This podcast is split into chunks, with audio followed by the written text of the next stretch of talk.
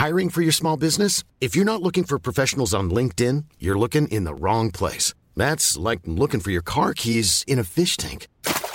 LinkedIn helps you hire professionals you can't find anywhere else, even those who aren't actively searching for a new job but might be open to the perfect role. In a given month, over 70% of LinkedIn users don't even visit other leading job sites. So start looking in the right place. With LinkedIn, you can hire professionals like a professional. Post your free job on linkedin.com slash people today.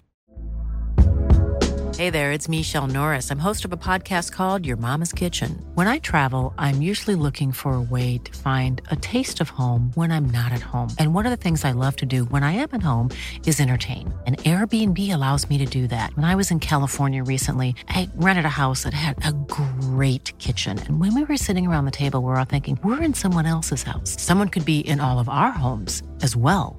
If you have a home, but you're not always at home, you have an Airbnb. Your home might be worth more than you think. Find out how much at airbnb.com/slash host. Hey, it's Danny Pellegrino from Everything Iconic. Ready to upgrade your style game without blowing your budget? Check out Quince. They've got all the good stuff shirts and polos, activewear, and fine leather goods, all at 50 to 80% less than other high end brands. And the best part? They're all about safe, ethical, and responsible manufacturing.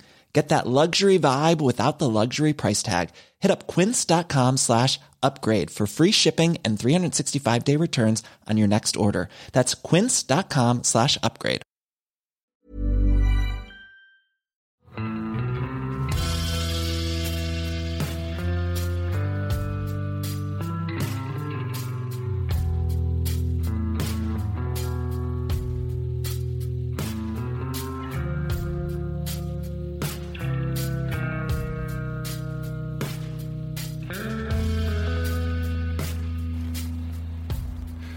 Hei, og velkommen til podkasten Uteliv. Mitt navn er Randulf Valle, og i dag står jeg under noe som kanskje mest må være ei jernbanebru i et industriområde på østkanten av eh, Oslo. Groruddalen. Hørte du eh, stemmen til eh, Norges største ørretnerd, vil jeg kanskje si, eh, Lars Nilsen. Kan du si litt mer om hvor vi befinner oss, hvis du vil? Skummelt å si, å si, hvor man befinner seg. Hvis det blir spennende, for det vet jeg jo ikke ennå. For hvis det blir det, så blir jo dette her Nei, det blir aldri ødelagt. For den elva vi står ved nå, den er så vanskelig tilgjengelig. Altså, da snakker vi rent fysisk langs elvebredder og sånt noe. At det, det Her er det så mye skjul for ørreten at den Nei, mennesker kommer aldri til å bli en fare. Så vi er langs Alna. Ganske Altså midt i Alna, midt i Groruddalen.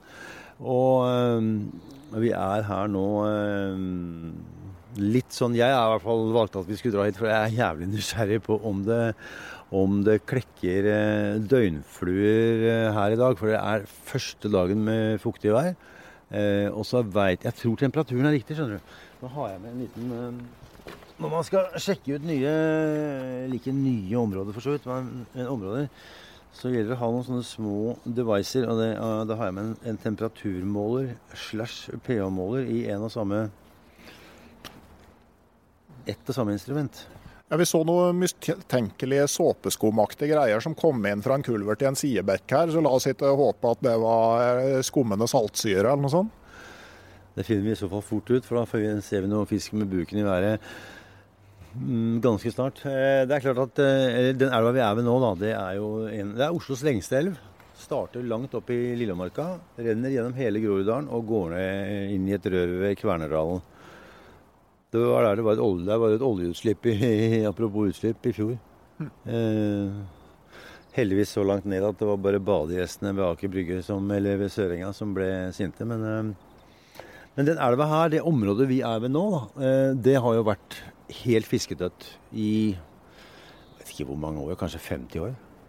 Eh, og så har man gradvis begynt å gjøre en del ting med bekkene i Oslo. Begynt å finne ut hvor utsigene kommer, eh, hva som er de verste utslagene av eh, forurensning. Så har man gjort noe med det. Men fordelen her er at de har ikke gjort noe særlig mer. Det er ingen som har tenkt at vi må rydde opp i bekkene og lage det fint og pent og sånn. Så her er det veldig pent, fordi det er som du sier, en gammel jernbanebru. Det er stokker og ting på tvers. Det er som å være i jungelen når du ser rundt her. Nå har ikke vi kamera, men øh, Og øh, her er det da kommet tilbake ørret. For lenger opp så er det veldig mye ørret, for der er elva veldig ren.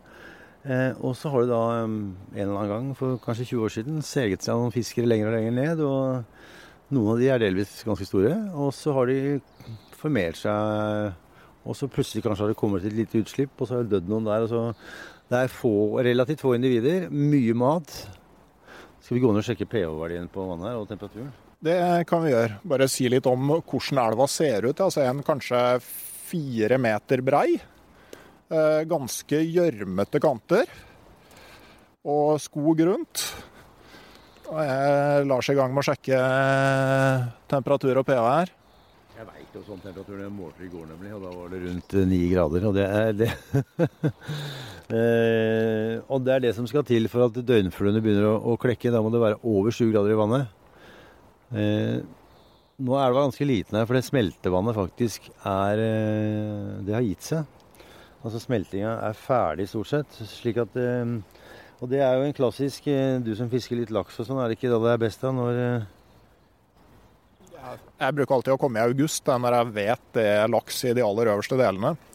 Men ikke sant, fordelen her nå, Biltema ligger 300 meter unna. Vi kan dra og kjøpe nye batterier til den her. Aha. Så det er jo oppsiden ved å fiske med sånne byting. At hvis det er noe du har glemt, eller et eller annet, så er ingenting er mer enn 500 meter unna, eller en kilometer unna. Jeg syns de batteriene holdt dårlig, for de hadde jeg jo Kinavare, vet du. Det er jo det er alltid noe, det er alltid noe lureri med det. Mm. Kalibrert den hadde jeg gjort, da. Ja, ja, nei, men det, Vi får gå videre. Det er um... Da sier vi at det er røftlig samme temperatur som i går, og vi ser ingen fisk med buk i været, så pH-en er i hvert fall ikke helt borti staur og vegger. Nei, du, altså, det, og det er interessant med disse Oslo-elvene. For det, dette området her lå jo under havets uh, Altså, her var det jo hav før andre verdenskrig, sånn 10 000 år siden. altså Etter istiden så lå hele det området vi er i nå, det var jo sjøbunn. Slik at sånn, det er veldig bas... Altså pH-verdien og, og, sånt noe som har vært et problem mange andre steder i, i landet i forhold til ørret og formering og, og sånt, det, det, er ikke-eksisterende her. fordi det er um, Så pH-en i i dette vannet her er sånn Cirka rundt Altså det er basisk omtrent rundt syv, eller litt over syv av og til, og litt under. Nøytralt vann. Veldig, veldig bra. Så de Og så er det noe med, sånne, med sånne Altså Mange tror jo at hvis en elv ser skitten ut, eller hvis det er skitne omgivelser, eller hvis det er brunt vann, og sånn, så er det, så er det forurenset og dårlig, og det er ikke noe liv der. og sånn. Det er det er veldig rett og slett feil. For sånn som her, hvor det har vært veldig forurenset, så er det fortsatt det er jo møkkete her. Eh, men de artene som da lever her, de er det veldig mange av, sånn individmessig. Slik at mangfoldet er ikke så stort nødvendigvis av ulike arter, men de artene det er mye av, fjærmygg eh, og den døgnflua jeg, går, altså jeg stiller jo ned på vannet hele tiden. Eh, det er Baetes rodani. Møkkaværsdøgnflua. Ja, er det den som uh, ja, den som gjerne klekker når det er litt sånn ruskete vær tidlig på sesongen? Vær, plaskende regnvær. Uh, er det beste. Men nå er det Nå er det jo ikke akkurat det, men det er litt duskete. Det var derfor jeg dro, opp hit, dro meg opp hit først. Fordi uh, kan det stemme at det var Betis Rodani som vi opplevde klekking på i Femundsmarka i pinsehelga i snøvær? Det tror jeg kan stemme uten at jeg var der i snøvær. Men hvis du var der og det klekka døgnfluer, så var det Hvis det var på rennende vann, vel å merke? Det var det. Det var i, i Røa mange år siden. Men vi, vi satt i snøvær og fiska harr på tørrflue. Men du, en ting jeg lurer på. Eller som vært gjennom forskjellige faser. I gamle dager så sa altså, altså møkka regnvær, det er bra fiskevær. Drittvær, da er det bra fiskevær. Og så begynte man å fiske med flue, og så var det litt sånn Oppdaga jo at ofte så vaka det selv om det var nydelig vær, og så tenkte du nei, det der med drittvær, det er bare tull. Det er minst like bra når det er fint vær og Og det kan det jo være.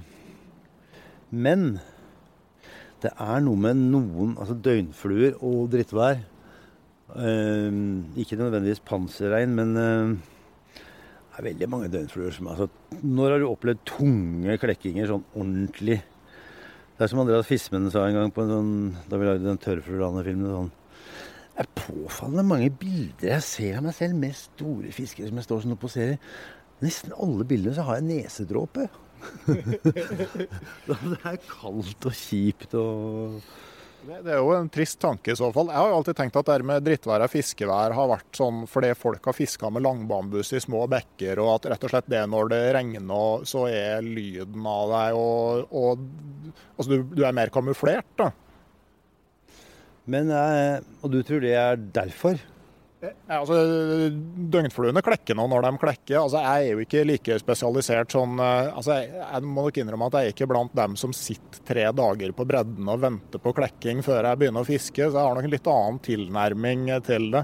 Kan begynne å fiske med streamer, altså, eller eh, Det gjør jeg ja. Du ser hva jeg skal sette i gang med nå? Ja, for det ville kanskje overraske mange at uh, nå driver da Eh, Lars Nilsen her og rigge opp en eh, lettspinnstang. Mm, og jeg så det står en markboks her. Eh, du så Nei, den har jeg i lomma. Rød og hvit dupp. Barndommens røde og hvite dupp. Ja. Er det ofte du fisker med sånt? Ja. nei, men du, sånn som her, da.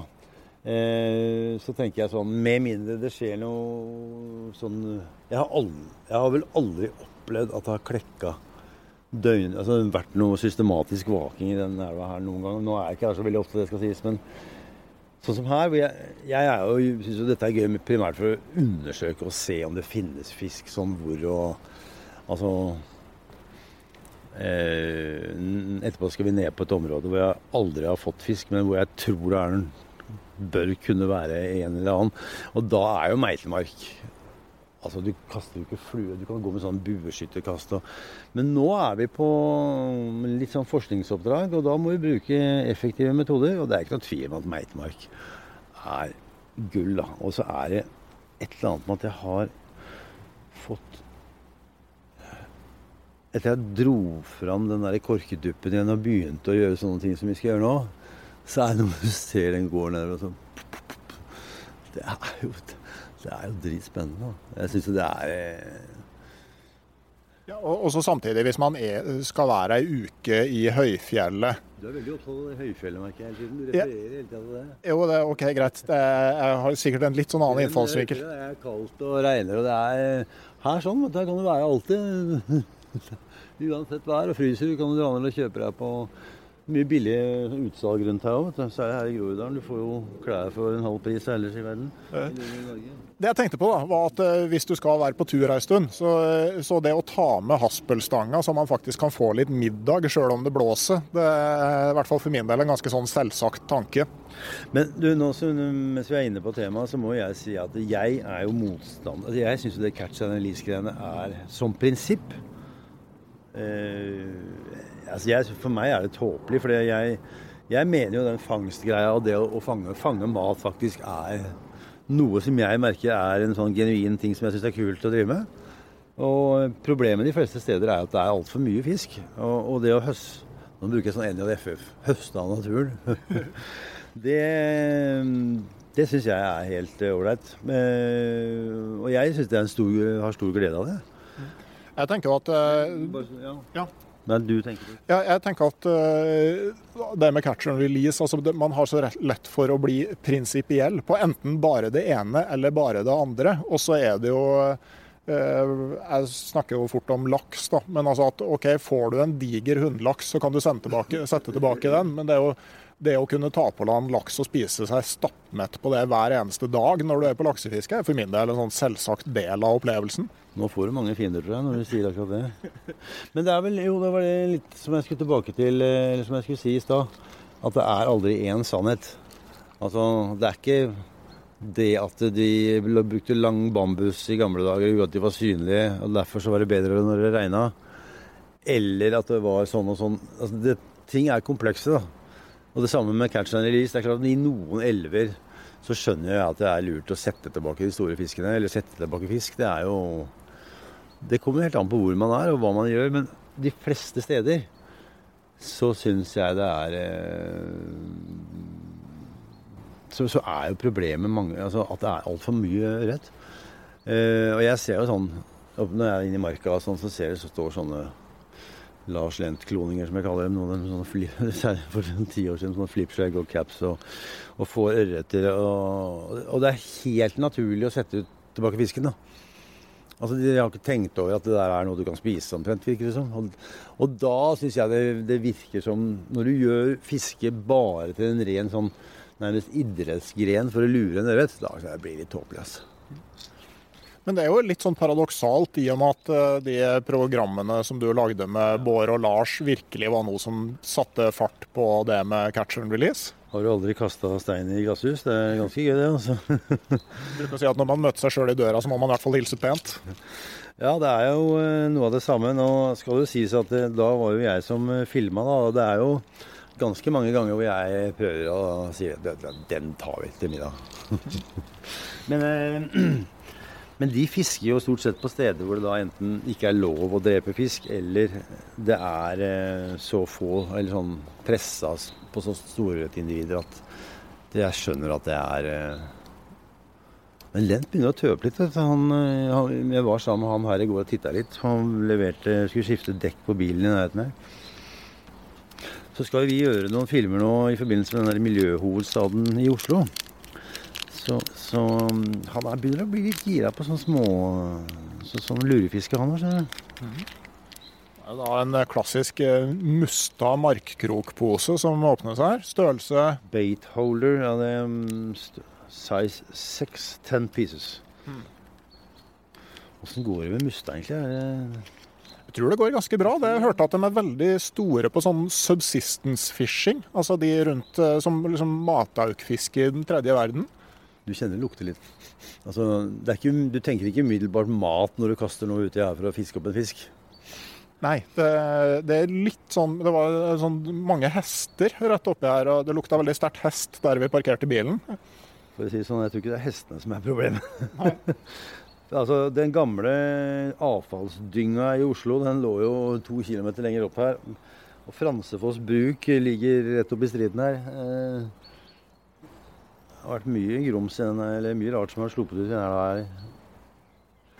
Men, Men det er jo litt artig at, at fisken er på vei tilbake? Ja, ja det, det er, jeg syns det er jævlig gøy. Og det, er, det som er moro, er jo å se altså, Jeg håper vi kan kanskje få en fisk, så skal du se hvordan de ser ut. Altså, det, er, de er, det er sånne sjøørretfisk. De, de, de, er blanke. Og så er det jo villfisk. Det er ikke satt ut. Dette her er på en måte Her har det bare etablert seg Altså, naturens evne til formering det er jo på en måte hele naturens hva skal vi si, motor. Eh, det er noe med at det, og Det er veldig gøy å se hvordan ting da kommer tilbake veldig fort. altså. Alt fra insektliv til ja, fisk. og Hvis da forholdene blir levelige, så, så kommer ting. altså. Det har man vel sett i Akerselva òg, som liksom har vært helt utradert flere ganger, så vidt jeg vet. Uff, må vi snakke om Akerselva? Eh, ja, jeg mener jo at det de skulle gjort i Akerselva etter, det siste klorings, Eller etter den siste vaskingen For å si det sånn, så skulle man bare latt den elva ligge og ikke gjort noe som helst. Istedenfor å sette ut millioner av lakseyngel det der hadde kommet tilbake i løpet av et par år. Kanskje tatt litt lengre tid, men på den annen side hadde du da fått en litt mer naturlig stamme, eller naturlig fiskesammensetning, da. Eh, nå kan man si at genetisk sett er Akerselva helt uinteressant, for var, den var jo Der forsvant jo laksen i 1880, liksom, så den har jo hatt godt over 100 år uten men det er litt sånn Donald Duck. Jeg syns det er greit å ha noen sånne Donald Duck-verdener òg, hvor du bare setter ut fisk, og folk kan komme og fiske eller se fisk, eller Men den, det er ikke noen naturlighet ved den. Men det som, skal jeg fortelle deg noe morsomt om Akerselva? Kjør på. Uh, I årene etter den vi går her, I årene etter den, uh, den Det klorutslippet, det var i 2011. Så skal vi bare legge Går vi litt inn her. Uh, og da døde jo all fisken i elva. Eh, men da var jo laksen ute i sjøen, og det lå jo rogn og sånn. Det lå jo på bunnen, og det klarte seg. Men eh, det som var eh, greia, var at det, det kommer inn noen sidebekker. Bl.a. en bekk som heter Hovinbekken. Og der er det veldig mye bekkerøye. Altså kanadisk bekkerøye. Og så jeg gjør et kast her. Spennende. Nei, og vi har et tre. Du glemte duppen. Ja, ja, jeg tenkte jeg skulle Så nå er det et splitthagl. ligger- Den ligger, den ligger i bilen. Men bilen er rett oppi her. da. Se, ikke sant, her har du Jeg, Du fiska et tre. jeg mener at jeg er litt rusten på presisjonen på Oi, på haspel her, ja. Eh, jo, og det som skjedde, var jo at eh, disse bekkerøyene, de de er veldig glad i å gå nedover altså De er ofte sånne som stikker nedstrøms. Og det gjorde de jo Da de kom ut i Akerselva, så var jo Da var jo butikken åpen i den forstand at det var jo Alle insektene var jo stort sett intakte etter hvert. Men det var jo ikke noe annen fisk der. Slik at de fikk jo fri lunsj hele tida og vokste seg grisesvære, da. Så jeg har jo noen venner som ikke er så opptatt av lov og orden, og de fiska jo der selv om det ikke var lov. Og fikk jo noen fisker de ikke ante hva det var for noe. Og det var jo bekkerøyer som var blitt sånn halvannen kilo og sånn bare på et par år. Men hvorfor er det kanadisk bekkerøye i eh, bekkene rundt Oslo? Det er fordi det ble satt ut veldig mye av den arten eh, på 70- og 80-tallet. Eller særlig på 80-tallet, 1980-tallet, må vi se. Er litt trist å si 1980-tallet, akkurat som det Da skjønner du at du begynner å bli gammel.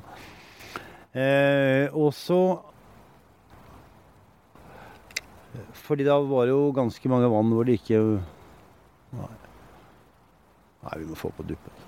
Eh, hvor det ikke var eh, altså Da satte man ut den, for den egner seg veldig godt til sånne sure områder og sure omgivelser. Og så er det noen steder, det er ikke mange, da, hvor den har etablert seg. Annet da i Hovenbekken, for der var det ikke noe vanlig ørret. Men den har bare stukket nedover, og så har den lagd seg sine egne samfunn. Eh, Jeg tror ikke det er satt ut bevisst eh, der. der. Så, men jeg tenkte vi skulle dra et annet sted etterpå hvor det faktisk er Bekkerøy, som ikke er Hovenbekken. Pleier du å bruke sånn splitthagl, eller lar du bare marken flyte fritt? Eh, Begge deler, men det er vel det de kaller flytemark, er jo ganske, ganske effektivt. Ja. Det Så du er en del på markfiske, du òg? jeg er ikke noe prinsipiell på noen sånne ting, nei. Det er alltid med mark når jeg er på fisketur. Du har det, ja. Jeg tror det er en snike, snikmarkfiskere som liksom har egentlig et ønske om å drive med det, men så er det sånn der, det er blitt så Hvis du først begynner å fiske med flue, så må du gjøre det. Altså. Det er nesten som å se på pornofilm, liksom. Ønske om mark. Men det er jo Du eh, føler deg litt som en taper, men eh, du gjør det allikevel. Så innrømmer du ikke at du syns det er ganske digg. Men eh, du, er, du må jo være enig i at det er, det er, det er mer morsomt med Oi, der hadde jeg jaggu meg en napp. Men hadde jeg hatt dypt, så hadde du sett det med en gang. Og det er det som er Ergo så er altså, fiske med, med, med sånn rød-hvit dupp, det er som, nesten som tørrfuglefiske. Fordi da, det er visuelt. Og nå får du faktisk en nappindikator på flue, vet du, som er en sånn rød og hvit Som ser ut som en sånn miniutgave av barndommens uh, dupp. Det er jo litt sånn typisk da, at det begynner med altså Man vil egentlig ha en dupp, men man tør ikke helt. Og så utvikler det seg jevnt og trutt fra en sånn bunt med polygarn som egentlig funker fryktelig dårlig, og videre og videre. Og så helt uten å vite om det, så har man funnet opp duppen en gang til.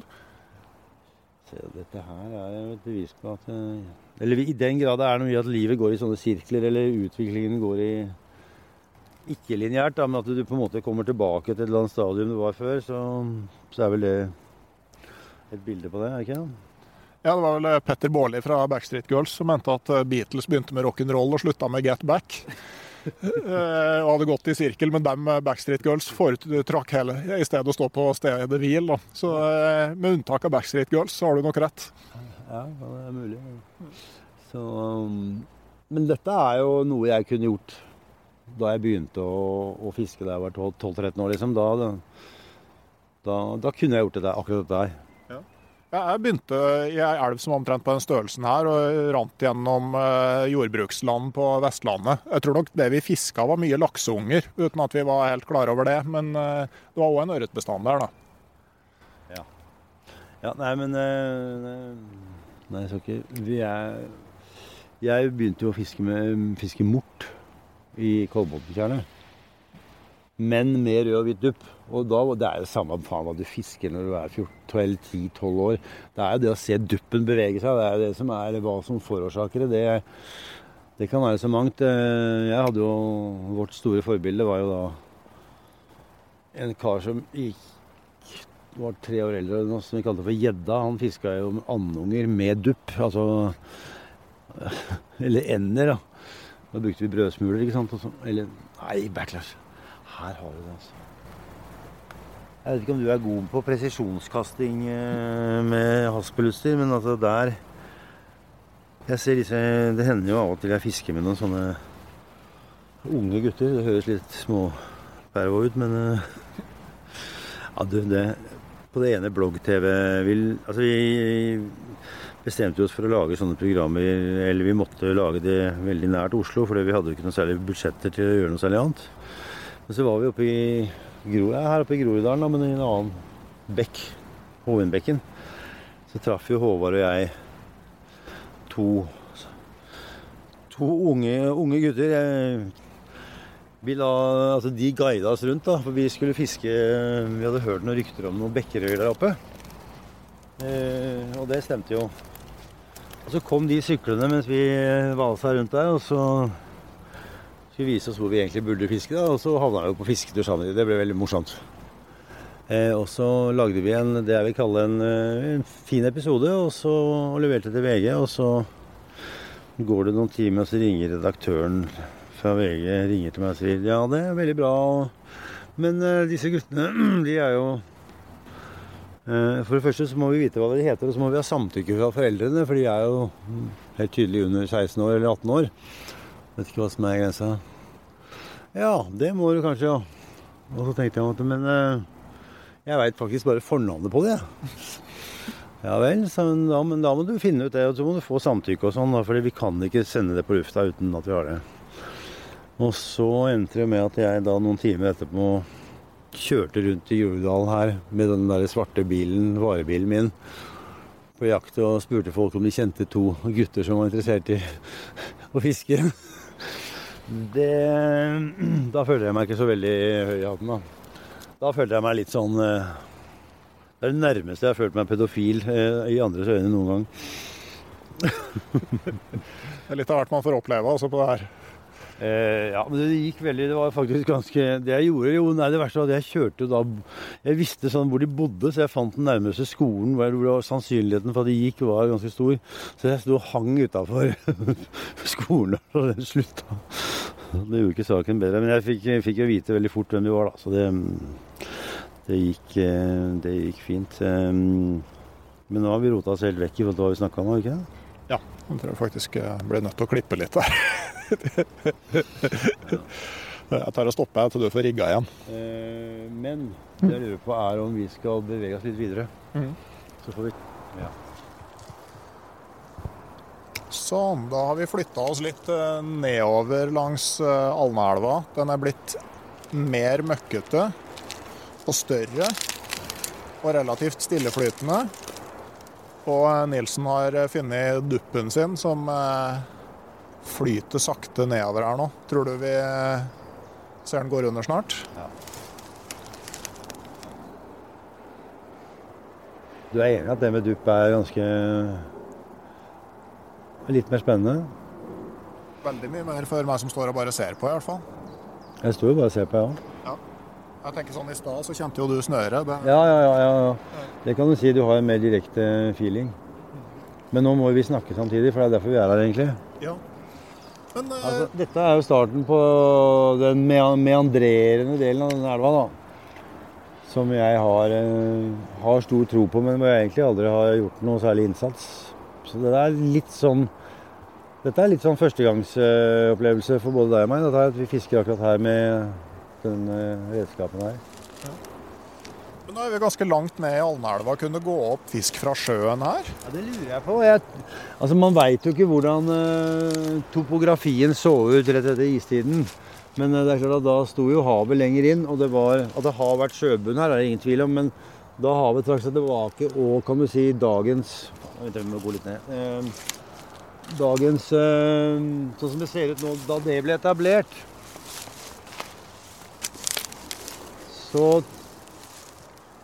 tror jeg kanskje jeg, jeg tror når vi veit hvor, hvordan laksen og sjøørreten kan gå og høyt opp, særlig laksen, så innbiller jeg meg at det kunne gått opp laks her i gamle dager. Eller i førhistorisk tid, eller hva vi skal kalle det. da. Men sånn, eh, da, eh, Den ørreten som vi, vi har i Norge, altså hvor kom den fra sånn opprinnelig? Det de har funnet ut eh, altså, Da det var istid, så lå jo hele landet under is, og under den isen så var det verken fugl eller fisk. Og kort fortalt, da den isen smelta, så kom det jo fisk opp i disse smeltevannselvene. Og koloniserte da de områdene de kunne, og det var da røye, laks og ørret. Og trepigget stingsild, faktisk. Eh, ørreten har de funnet ut nå sånn med DNA-analyser at den har sin opprinnelse, den norske ørreten. De første som kom, kommer fra Sør-Frankrike, på grensen mot Spania. Oi, der var det. Så du det? Ja, gikk under, ja. Ja. Kunne se. Ja, da. Der er duppen forsøk. Nei. Skal vi se om marken er borte. Ja, Ehm, eh, og ehm, slik at de første ørretene som kom inn i Norge, var jo sjøørreter. Sjøørret og ørret er jo samme fisken. Og så svømte de inn, og så Det er klart hvis du har svømt da oppover til Mjøsa f.eks., og litt videre oppover i Gudbrandsdalen, og gjort dine ting, så du skal hjem igjen, så når du kommer til Mjøsa, så er det veldig fort å anse det ja, Nei, vi later som dette her er havet, vi, så bare blir vi her. Og så etablerte det seg da rødbestander eh, i disse Så de opprinnelige norske ørretene kommer jo da først sør og vest fra. Og etablerte seg på, på, i de store vannsystemene på Østlandet og delvis på Vestlandet. Og så hadde du en migrasjon også fra ø, østfra, eh, men den var mye mindre, og andre arter. Så det med fjellørret, det er jo et moderne begrep. Det, det fantes jo ikke ørret på fjellet før mennesker begynte å sette det ut. Hvorfor, altså, hvordan var det ørreten tok seg opp på fjellet sånn i historisk tid? Det var vel ikke den som tok seg opp på fjellet, det var vel heller mennesker som hadde den med seg. det har de også funnet ut at på øh, For øvrig en veldig interessant bok som heter 'Fjellfiske'. Eh, I gamle dager. Ja, i hvert fall eh, Den kom for to år siden, og der har de sett på De mener jo at på Hardangervidda så var det fire originale eh, ørretarter eller ørretstammer som har vært der i mange tusen år. Og de har kommet dit ved at de er blitt båret opp av mennesker fra sørfra, vestfra, østfra og nordfra. At det er da ulike, da, sannsynligvis nomadiske grupper, som er jegere og, og sankere, som har hatt med seg fisk og satt det ut. Og ehm, Men Hvorfor er det akkurat ørreten og ikke røya eksempel, man har tatt med seg opp? Eh, ja, for de var ikke så glad i rødfarge. De var redde for rød. Nei, du kan jo tenke deg altså Der har det vært fisk bortpå her, så. Det mangler mangler litt mark her. Ja. Ja, Så duppen reiste seg her i stad. Ja, ja. Nei, det er ganske eh, logisk, fordi ørreten den gyter jo på bekker om høsten og går opp, og, og da er den lett å fange. Ehm, røya gyter som regel da midt ute i sjøen eller på grunner eh, hvor den da ikke er så lett å ta. og det er klart På den tiden så satte man jo ikke ut fisk for å ha det gøy, man satte ut fisk for å, for å spise. Så vi må bort og hente litt mer mark. Eh, men vi kan gjøre ferdig det logiske eh, begrepet der. Det er jo satt ut røyer noen steder på fjellet òg. Eh, så det er noen steder jeg har gjort det. Men tror vi I nesten alle tilfeller så var det ørreten som de, de tok med seg, nettopp pga. dette vandringsmønsteret som gjorde at den var lett å fange. altså. Og når, For det er jo påfallende med de fleste fiskearter som man liksom har fiska på for matens skyld, hvordan eh, fiske ofte er nært knytta til eh, gyteatferden. Tenker sånn med, med sik og i Sverige liksom mort og brasme og harr Ja. og i hele tatt. Altså, det er gytetida man fisker. fisker. Kåte folk er dumme, vet du. Og det er samme med fisk. Det er lett å ta når de har et annet fokus enn bare mat. Eh, Nei, men Da er det jo stimfiskere òg. De, opp, de oppdanner seg, eller de oppfører seg De er jo i store flokker, holdt jeg på å si. Slik at du har en veldig konsentrasjon av arten på ett punkt. Eh, Og hvis du da bruker jagergarn eller eh, innhegning eller hva som helst, ruser eller noe sånt, så er de da lette å Ja. Det samme med abbor, f.eks. Det lurte jeg veldig på. Den, hvorfor er den i så mange sånne småtjern? Overalt.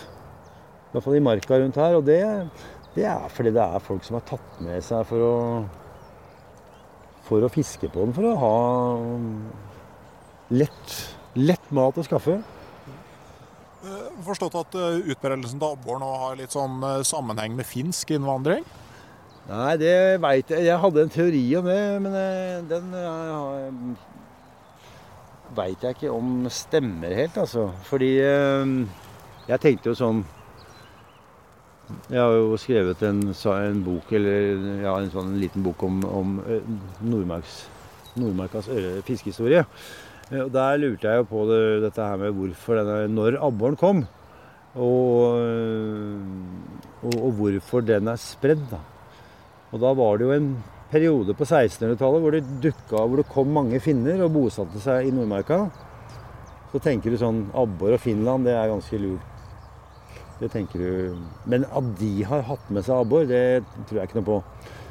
Eh, jeg tror det er skogsarbeidere stort sett, og, og einstøinger som har bodd inne i skauen. Som, eh, som gjerne bor ved sånne småtjern og hvor abboren både formerer seg og trives. Hvor ørret ikke klarer å formere seg. Så de Jeg tror det heller er de. altså Finnene de bosatte seg som regel ved disse store sjøene og hadde fangstinnretninger som var mye mer avanserte. Og, så jeg kan hende at det var noen finner òg, jeg vet ikke. Jeg vet, vet ikke. Det er det som er morsomt, syns jeg, med å, å, å mye av det vi holder på med på mange måter. Det er, så, det er mye man ikke veit. Men sånn det, det som vi kaller østfisk, altså sånn abbor, har gjedde, sånn type fisk, altså hvor kom den fra, sånn i utgangspunktet? Østersjøen. Ja. Det var en liten periode, det var en passasje, eh, fri passasje nord for Kongsvinger. altså det var, da den isen smelta, så ble det så mye vann i Østersjøen, slik at den i en periode hadde faktisk avredning inn i Norge, altså inn i Glomma-systemet. Og da kom alle disse artene som vi definerer som østfisker og hvitfisker. da. Og så forsto jeg på det å skrive at de kom liksom i tre bølger, de østfiskene. Ja, det var vel, du hadde vel to eller tre sånne innvandringsperioder, ja. Og at eh, landhevinga er da avgjorde på måte, hvilken utbredelse artene fikk. At de som kom til slutt, bare kunne slå seg til i de mest lavereliggende områdene. Ja, det er riktig. Så, og det er derfor du har sånn som i, i, i Vänern, hvor du har denne landlocked salmon, altså Vänern-laks. Det er også et produkt av det at det var jo et område hvor da Altså det var mange nok lakser som ikke gadd å gå lenger enn til Vänern, og så plutselig så var det stengt. Men det, det fenomenet har vi jo i Norge òg, bare at det har blitt sånn dvergebestander. At vi har bleke og namsblank. Altså relikt laks, er ikke det man kaller det? Jo, jo. Og det er vel, jeg tror det er sju steder i hele verden faktisk, hvor det finnes. Bare, så det er en veldig spesiell eh, Jeg tror det var et annet sted i Norge hvor det fantes òg, men eh, Så det er for eh, veldig sånn spesielt interesserte artsjegere, så er jo da namsblank og, og, og bleke må jo være noe å få på lista. du veit jeg ble satt ut eh, bleke i Nordmarka fra fly. Hvorfor i all verden gjorde man det? Ja, det kan du jammen lure på. Eh, jo, altså Det jeg har lest om det, var at uh, de der blekene de egna seg veldig godt i De var jævlig lette å, å få til i settefiskanlegg. Altså Rogna var stor, stor overlevelse på yngel. Og så Det var særlig da én fiskeforsker som het Knut Dahl, som opererte da fra sånn ca. 1900 til, til andre verdenskrig. Han var veldig opptatt av den fisken her. og og hadde stor tro på den. Eh, bare man flytta den bort fra Setesdalen og lot den få litt mer eh, næringsrike omgivelser, så trodde han at den kunne bli fin. da. Så han fikk organisert noe sånn utsetting av den. Og eh, det med fly er jo litt spesielt. Det var jo mange ledige flyvere etter andre verdenskrig vet du, som hadde god tid. og Det kan vi komme tilbake til etterpå. Ja. Ok. Det er ikke noe eh, kanonbett her Nei, men det, altså, det var helt klart en fisk som var der men Tok en Jeg må ha på Nymark. Finnmark. Men eh, sånn her i, i Oslo-området og i Nordmarka så nøyde man seg jo ikke bare med å flytte ørreten oppover i vassdraget. Altså Etter hvert så begynte man å sette ut eh, andre arter her òg, bl.a. sik og røye. Kan du si litt om hvorfor man valgte å gjøre det? Ja, altså Mennesker kan vi vel si lærte seg kunstig Lærte seg hvordan man skulle gjøre kun, kunstig formering. Da, og lage fiskeyngel av laksefisk ca. på midten av 1800-tallet. Eh, og eh, dette her var jo en periode hvor det var eh, starten på en periode hvor det var en voldsom eh, befolkningsvekst. Særlig i Oslo-regionen eller på Østlandet. Eh, man trengte mer mat. Eh, og man fant da etter hvert ut at den arten som egna seg best til utsetting for matproduksjon, det var eh, ikke ørret, men sik. Og da også etter hvert røye begynte man å sette ut. Årsaken til at den siken havna i Nordmarka, var eh, litt sånn geografisk. Det største sikklekkeriet i Norge var på Jevnaker. og Da var det jo kort vei opp til de øverste vannene i Nordmarka, som var store sjøer. Og øh, det var jo da en øh, I starten, sånn på slutten av 1800-tallet, begynte man å sette ut sik her, og hadde noen voldsomme resultater. For det blir jo ofte sånn når man setter ut en art som begynner å spise på næringsdyr som ikke er beskatta før, som da siken gjør. Den går jo ut i de store vannmasser og spiser plankton, stort sett. Så ble det jo voldsomme mange fisker, store fisker, og man satte da ut mer og mer, selvfølgelig. Man tenkte ikke noe at det kunne bli for mange.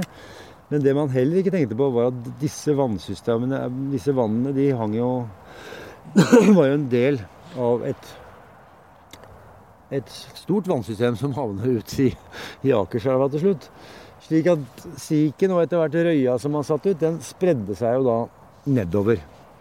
Eh, og, og, sånn har jo siken havna i, i Nordmarka, og, og, er nå i ferd med å bli et kjempe hva skal vi si, problem, da, som det er mange andre steder òg.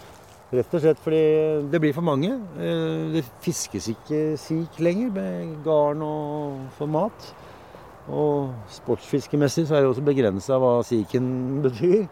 Men i hvert fall når vi kommer til mengder og uttak, så Men du, det å fiske sik eh, om høsten, apropos gyte Den går jo også på gyter i, i bekker og elver og sånn. Og det med det å gå og håve sik, det er eh, Da blir det fangst, for å si det sånn, altså. Men Hva slags størrelse er det på siken i Nordmarka i dag? Fire på kiloen, tre på kiloen. Ja. Og Historisk, da, da det var på det beste, hva slags størrelse var det? Én på kiloen. Det er virkelig fin sik. Jeg vet jo I Finnmark og indre Finnmark så er det mange som mener at stor sik er jo den beste innlandsmatfisken Ja, ja. som fins. Ja. Samene er veldig glad i sik. Og, og det er, den er veldig egna til, eh, til um, salting. Den holder seg lenge. Så hvis man skal sånn, starte sånn utmeldingsprosjekt og ikke være en del av uh, Eller sjølbergingstanken, det, da bør man satse på sikh. Men eh, altså, det er jo forferdelig det som har skjedd da i, i, med, egentlig med innlandsfisk i Norge. Eh, altså De siste 20 årene så har jo all fokus og alle penger til eh, fiskekultivering og tiltak og alt mulig sånt, og det er jo gått til laks og bekjempelse av gyro og Altså det er ikke det er ikke bokstavelig talt ikke fem øre er gått til eh, av statlige midler da, til Legg merke at nå begynner jeg å bli sur gammel mann og syte over at man ikke får penger fra staten. Det er, eh, det er ganske kleint. Men eh, det er i hvert fall sånn eh, Og det er veldig Altså det er en ressurs som på en måte er helt tilsidesatt og da ikke prioritert. Og så er det i tillegg, eh, som vi nevnte på tidligere, den der matauk-aspektet av sportsfiske er jo nesten blitt eh, eh, ja, uglesett.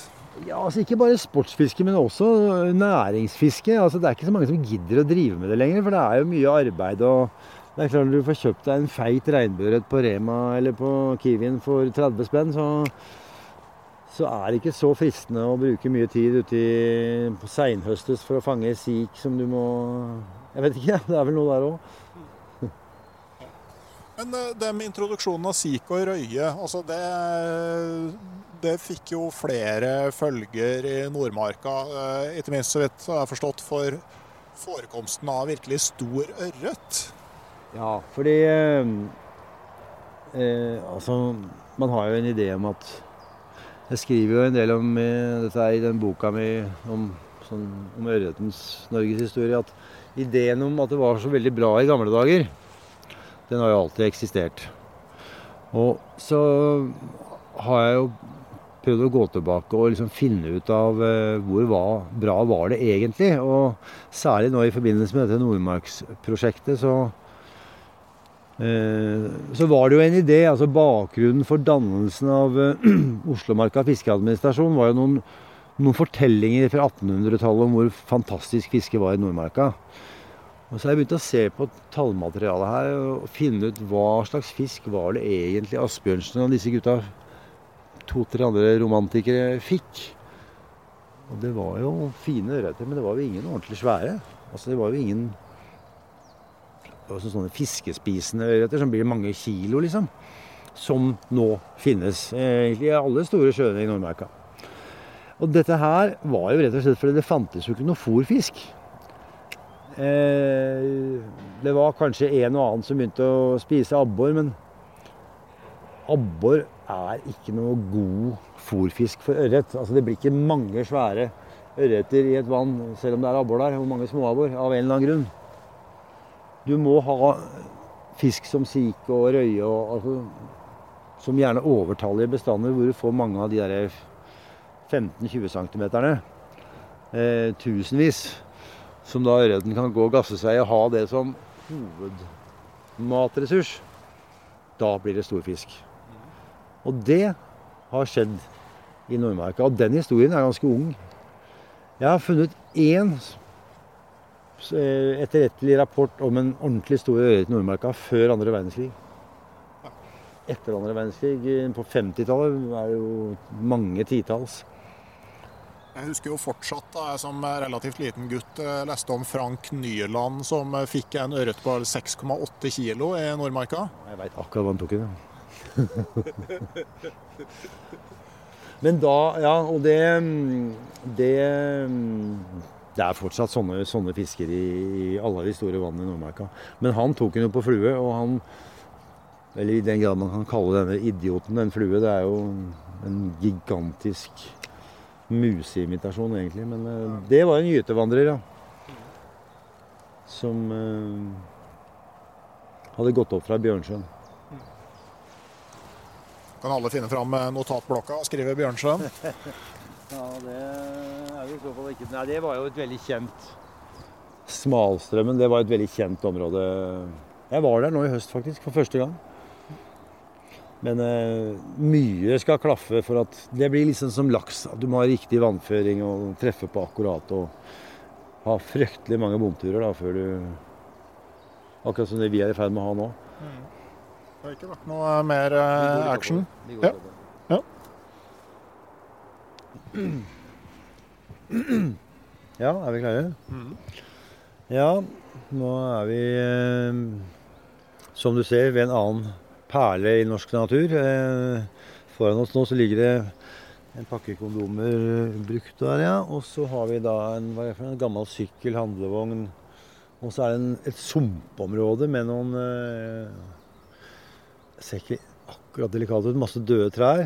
Eh, hvordan det hele ender i et syn med uh, ca. 40 oransje konteinere. Og vi skimter en låve i bakgrunnen. Og for ikke å snakke om, midt mellom oss, et vannområde. Som faktisk er noe av det mest spennende vi har, eh, syns jeg, da, hvis vi tenker sånn arter og, og faktisk eh, størrelse og sånn på fisk. Ja, jeg gjorde en episode sammen med en psykolog som snakka om liksom hvor bra det var for psykisk helse å komme seg ut i naturen. Altså, eh, vi er jo lekepersoner begge to. Vil du anslå at det er bra for den psykiske helsen å være ute her? Det kommer an på Det er ett parameter på det, og det er om den duppen som jeg fortsatt har på her, går under eller ikke. Ja. Eh, nei, men altså, vi kan bevege oss Hvis vi beveger oss 300 meter oppover, så er vi midt inne i skogen.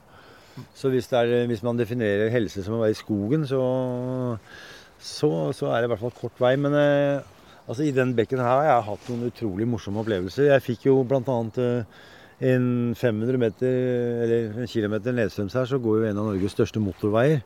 Og midt under den nå, der, er det, der går eh, elva under, eh, under den. og der, Så slapp jeg ned en marktugge og bare lot den drive ned. og jeg tenker meg Da den tugga var 100 meter av gårde, så begynte snøret å gå veldig fort. Og det er altså en av de vakreste ørretene jeg har fått. Den var 950 gram. Og den sto altså i en tunnel under en motorvei? Bokstavelig talt. Og det er klart det var jo Da har du liksom Det summer litt og Nei, jeg vet ikke. Det er jo Altså, tunneler virker Vi har fleipa mye med det, Lars og jeg, men det er noe med tunneler eh, og broer og sånn. Det mener vi har Det har en tiltrekningskraft på fisk, altså. Visshet om at man er i skjul. Men det, det er jo litt sånn når vi ser eh, Går, nå skal jeg vise deg hva som er årsaken. Ja. Det ser så jævlig ut her. For det, for det ser virkelig ille ut. da. Det ser ut som det er et bombedslag like nærheten. Men det er jo Hvis du ser på trærne her, så er det jo Dette er jo neddemma, dette området her. Eller oppdemma, heter det. Ja. Og det er ikke fordi noen skal lage strøm. Det er eh, fordi bø- bever har eh, vært her. Men Og dette her syns jeg er veldig Det er både rart og Nei. Ølboks. Eh, at, de lar det, at de lar den beverdemningen stå, det syns jeg er både rart og veldig kult. For det er klart, det som effekten av Altså når du demmer opp et sånt system Hvis jeg kun tenker med mine fisketanker nå, så vil du da få en eh, altså Det bidrar altså både å øke vannarealet, men eh, du får også en boost i hele næringsproduksjonskjeden. Altså herfra og oppover. I det oppdemmede området så Hei, her er det jaggu meg pornoblader! Det er lenge siden jeg har funnet i skogen. altså. men, Eller er det bare Det var bare coveret på en DVD. Å ja, ok. Men hvis du Her kan vi finne litt av hvert, altså. Men kan du begripe Se på dette her. Ja, og, så, og så tenker jeg liksom eh, Med ørretkultivering så står man på å rydde opp og eh, fikse og ordne. Og så er det fisk her. Ja. Eh, du må skille litt. altså Den der ideen om at man skal ha det så ryddig og pent rundt eh, ørretelver, det er jo veldig feilslått. For Ørreten og den arten som også er her, nemlig bekkerøye, den liker jo bare, altså mest mulig kaos eh, i forhold til skjulesteder og eh, Altså, Den liker jo ikke å ha det pent og ryddig og, og, og, og lite kaotisk. Tvert om. Eh, og her er jo gjedde i tillegg.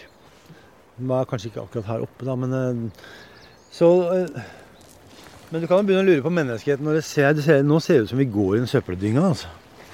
Hvis jeg hadde fortalt alt vi hadde sett akkurat rundt oss nå Jeg har talt ca. 40 snu, tomme snusbokser. Et dekk her. Em, men uh, igjen, dette området, vi, denne bekken vi skal fiske i nå, da, er det ikke gjort noe såkalt kultivering. Dette er da ting som har etablert seg på naturlig vis. Altså den Bekkerøya har kommet hit på et eller annet vis. og Det er vel fordi den er satt ut lenger opp i skauen her, og så har den kommet ned hit. da. Og dette er det eneste den eneste mm, Bekkerøy-lokaliteten jeg kjenner hvor da Bekkerøya lever og formerer seg og er i et ganske bra antall både sammen med ørret, abbor og gjedde. Ja, for Bekkerøya er generelt sånn art som takler konkurranse dårlig. Ja. Den er en eh, veldig dårlig, dårlig konkurrent sånn sett. og Derfor er den blitt fjerna fra den svartelista. Det er ikke, altså det er ikke en, en, art som man ønsker utryddet eller fjernet fra norsk natur. Da. Der ser du, er ikke det damen der? Det ser veldig ut som en beverdame. Ja. Og den har stått der i mange år, nå. Jeg kjenner jo en kar som ble bitt av bever i låret. Ok, hvordan skjedde det? Eh, litt uklart, men det, to, det var vel omtrent som at den nesten tråkka på den, tror jeg. Sånn at den kom uforvarende på.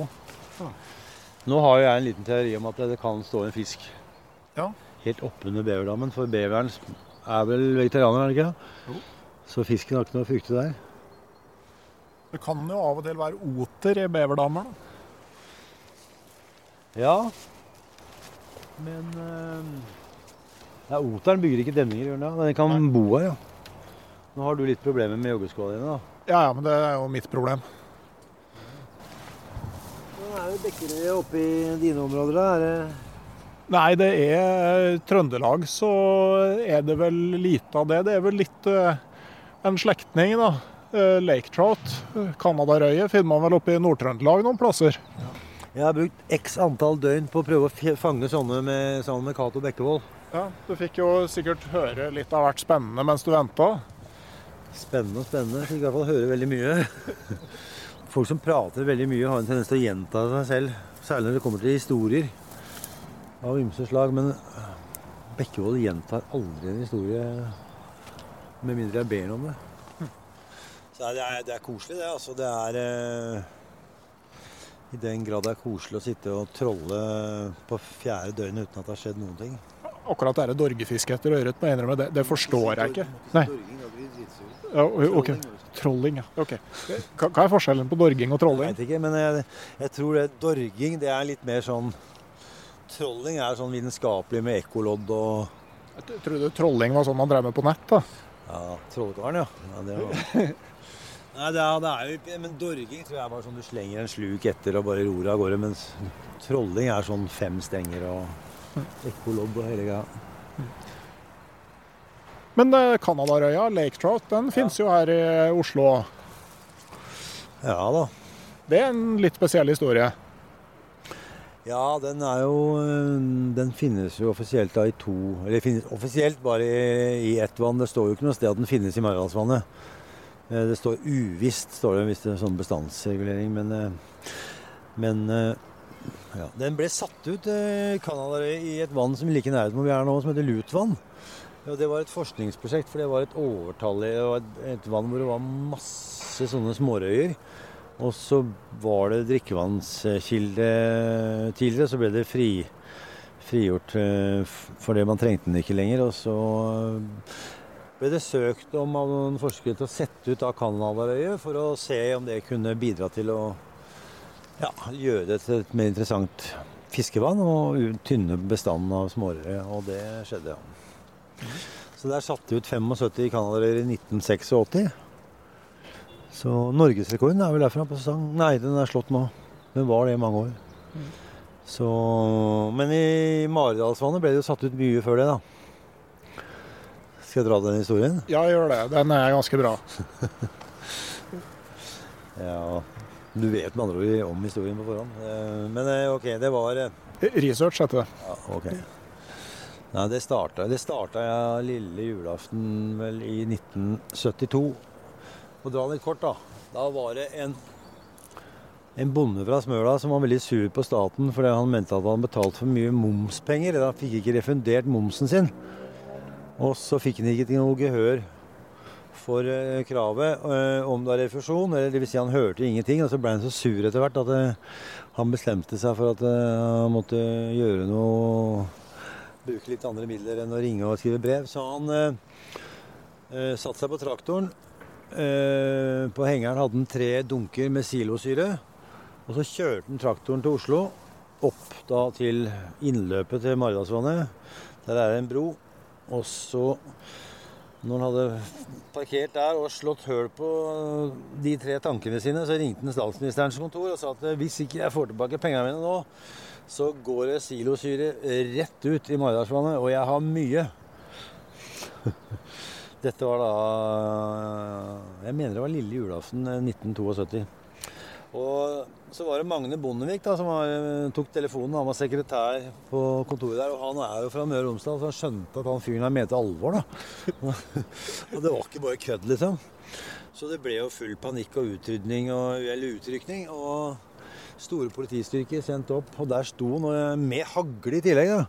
Og det var, var sånn Hvis jeg, politiet kom, og de sa at de måtte Nå må du dette her skal vi ikke ha noe av. Nei, det er greit, jeg gir meg, men hvor er penga? Nei, de hadde ikke mer fem øre. Og dermed så tråkka han på en av disse pedalene som gjorde at det, der, at det, det rant faktisk da et par hundre liter silosyre rett ut i Maridalsvannet. Og så ble det jo basketaket, han ble lagt i jern og sånn. Og da er jo spørsmålet hva skjer nå? Og da ble det jo altså, Kort et folkekrav og politikerkrav om at Maridalsvannet, drikkevannet, må kontrolleres før det går ut på ledningsnettet i Oslo. Det er ikke bare bare, men uh, den måten de gjorde det på, var å lage en vannledning fra uh, inntaksvannet på 40 meters dyp uh, opp til vannverket, hvor de lagde et kjempeakvarium. Hvor de da hadde vann gående som til enhver tid sørget for var åtte timer før det som gikk ut på ledningsnettet. Og hadde du da fisk oppi der, og du kom på jobben om morgenen og lå med buken i været, så trykka du på stoppknappen. Og så var det spørsmålet hvilke fisk er det som kan trives med vann fra 40 meters dyp? For det er jo jævlig kaldt. Det er fire grader. Alltid ble kaldt vann det er fire grader det kaldeste. Og da hadde de eh, tilgang da på, på lake trout. Eh, det var mulig å få tak i. Og den trives. Som vel nesten eneste art. For du må jo ha fisk som trives der, så kan du jo dø av kjedsomhet eller eh, alt mulig. Så ble de satt ut i akvariet, men de vokste seg jo store etter hvert. Og så var spørsmålet hva gjør vi nå? Og så ringte de Canada-dealeren, og han sa det er bare å komme og hente flere. Og så var det han som da hadde hatt ansvar for dette her. Han var blitt veldig glad i de fiskene. Så på den tiden så var det ikke så nøye hva man gjorde med sånt, så han bar de da en ned i Maridalsvannet og satte ut 1905-76, tror jeg. Ja. Eh, så det var de første. Og så har de jo formert seg, og så er det jo eh, vært noen andre små lekkasjer av noen rare arter uti der òg, da. Så det er 40 år siden. Eh, og de fiskene kan bli 50 år, sånn biologisk sett. og så tør ikke påstå at første generasjon går der ennå, men jeg har vel Jeg kan jo ikke si jeg har vært borti, men jeg har vel uh, hørt om uh, ting som har, folk som har hatt på både trailer og ubåter. I hvert fall det kjennes sånn ut, da. Men uh, dette er ulovlig, så det er ikke noe man kan Det er ikke noe som man driver med, men Men for Maridalsvannet er drikkevannskilde, og det er ulovlig å fiske der? Ja, det er jo bare tull, ikke sant. Det er jo, vi har jo samtidig Nord-Europas beste renseanlegg, som vi skryter fælt av. Og når du veit hvordan de får vann i Østfold f.eks., det kommer jo rett fra Glomma, hvor og det har jo rent helt opp fra dine, fra dine trakter og helt ned, så det der er jo helt hysterisk. Det, det er litt mer for å Jeg syns Oslo-politikerne skulle tillatt tenkte, ah, og Der er det jo store fiskere av alle artene vi har. av altså Abbor, ørret, røye. Kunne hatt sånn spesimen eh, med døgnkort på 300 kroner. Og så solgt 15 fiskekort i døgnet, og så hatt noen elbåter. Da hadde vi jo hatt masse oppsynsmenn der også. For når du har betalt så mye penger, så er du ikke interessert i at andre skal Og så kunne man fått beskjed om å, å ta bilder hvis det var noen som satt og dreit eller bada eller eh, så Det hadde vært en ypperlig måte å tenke vinn-vinn på, men eh, det er sånn enten eller. Nei, her skal det ikke være lov til å gjøre det. Men om vinteren kan du gå på ski. Mm. Og gå på skøyter og alt mulig sånt. Men eh, nei, om sommeren ikke være lov med noen ting. Men det er litt sånn underlige fiskearter rundt omkring her. Altså når vi har da både kanadisk bekkerøye og eh, lake trout. Mangfold, mangfold. Ja. Skal, jeg ha, skal, jeg ta deg med til en regnbueørretbekk òg, eller? Eh, hei. Ja, da må vi kjøre litt lenger, men det fins, det òg. Ja.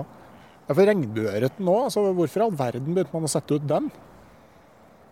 Den kom fra Amerika, vet du, og det var veldig suksess i Amerika. Da måtte vi gjøre det samme i Norge. ja. Nei, det, det, det, er en ganske morsom historie, det med regnbueørret òg. For den ble jo satt ut i Norge i stor skala Og helt i starten på 1900-tallet Jeg kan jo liksom la duppen ligge ute mens vi snakker. Ja. Eh, og da var den importert fra USA, men da var det danske da fiske... Rett og slett eh, forretningsmenn som eh, Danskene har jo drevet med fiskeoppdrett veldig offensivt lenge. Og de eh, kom til Norge og, og solgte den inn som det de kalte for regnbuelaks. For selv da var laks gjevere enn ørret, tydeligvis. Eh, og da hadde man hatt en periode i Norge hvor man hadde satt ut veldig mye brunrett. Eh, og den Det hadde slått til brukbart mange steder i starten, men eh, man gjorde jo samme feilen den gang som man gjør nå. At man, man setter ut altfor mye, og så blir det bare småfisk. Og så var det en idé om at da den norske ørreten var blitt innavla.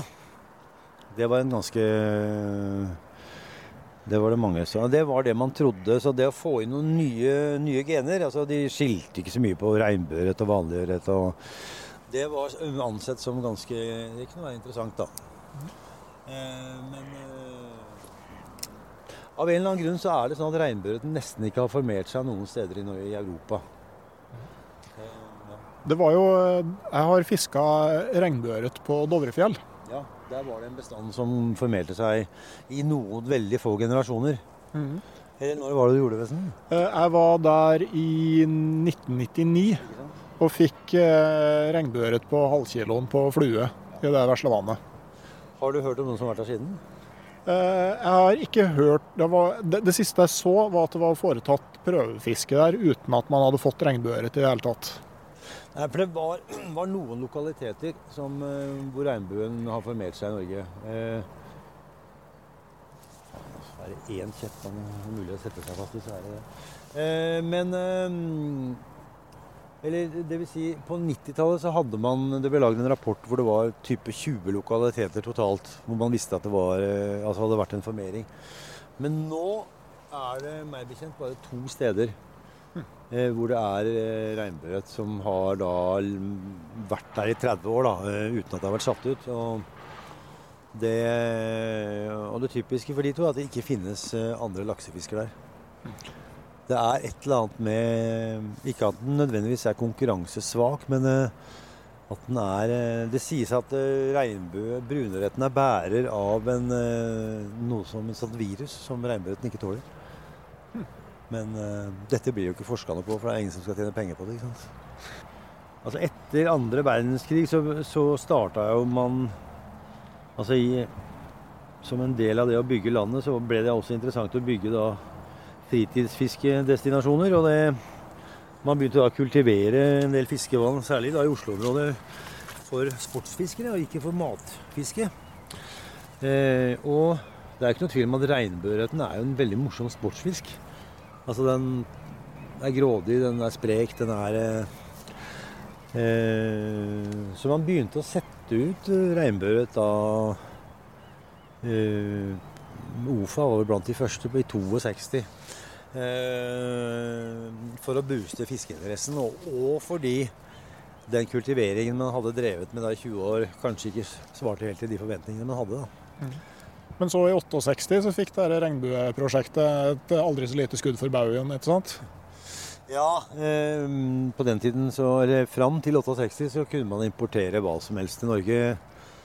Jeg tror med kanskje kameler også, hvis du ville. Det var ikke noen regler på å ta inn utenlandske, hva skal vi si, levende ting, da. Eh, så eh, man eh, All settefisk i Norge av både ørret og andre arter fram fra krigen og fram til, fra 1950 og fram til 68 er jo primært av dansk, altså dansk, dansk fisk.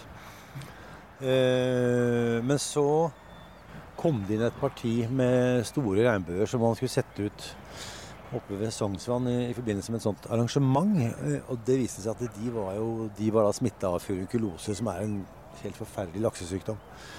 Eh, og da gikk alarmbjellene, og da kom det en lov etter hvert som sa at all, all import av utenlandske mm, både altså rogn og også levende fisk er ulovlig. Da.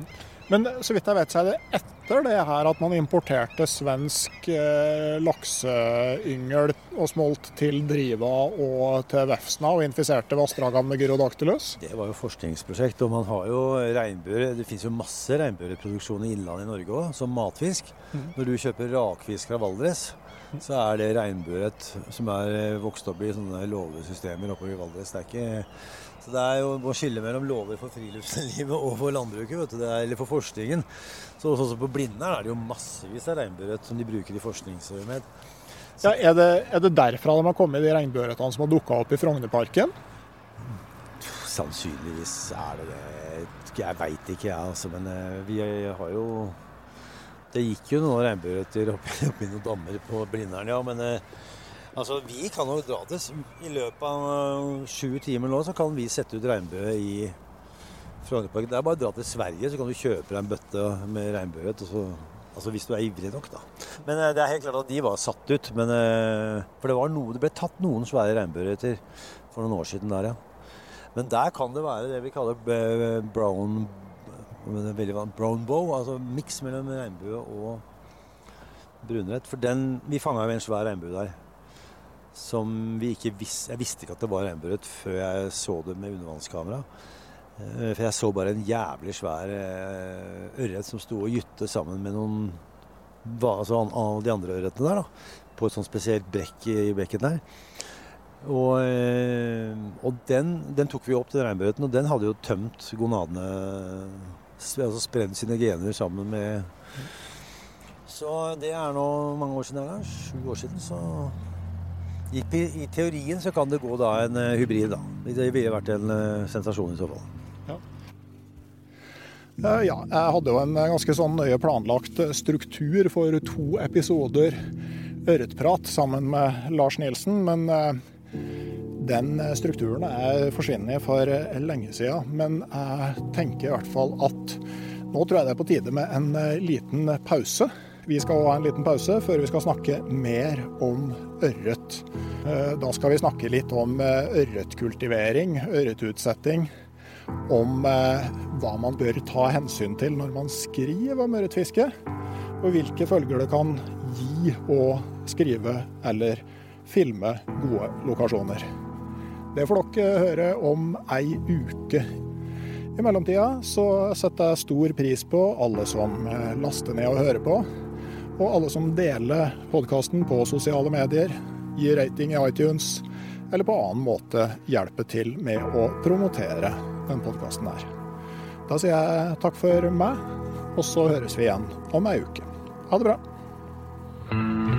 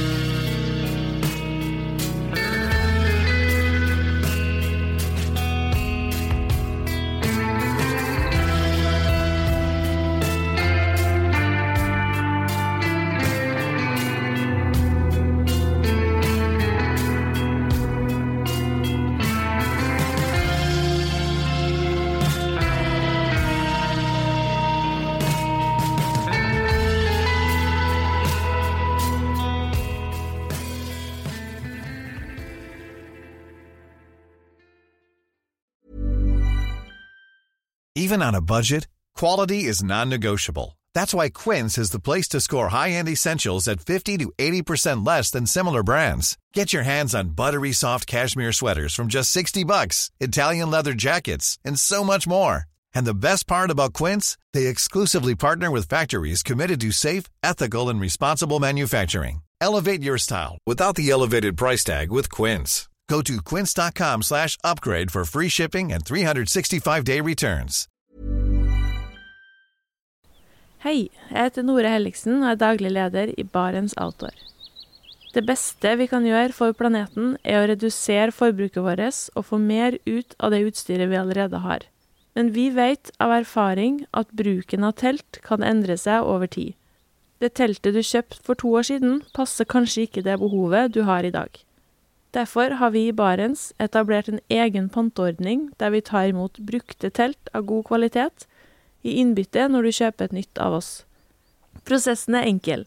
På barentsoutdoor.no gir det oss informasjon om teltet du vil bytte inn.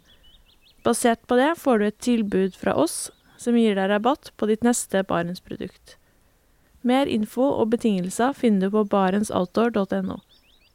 Og husk at den første reparasjonen på produkter fra Barents er alltid gratis.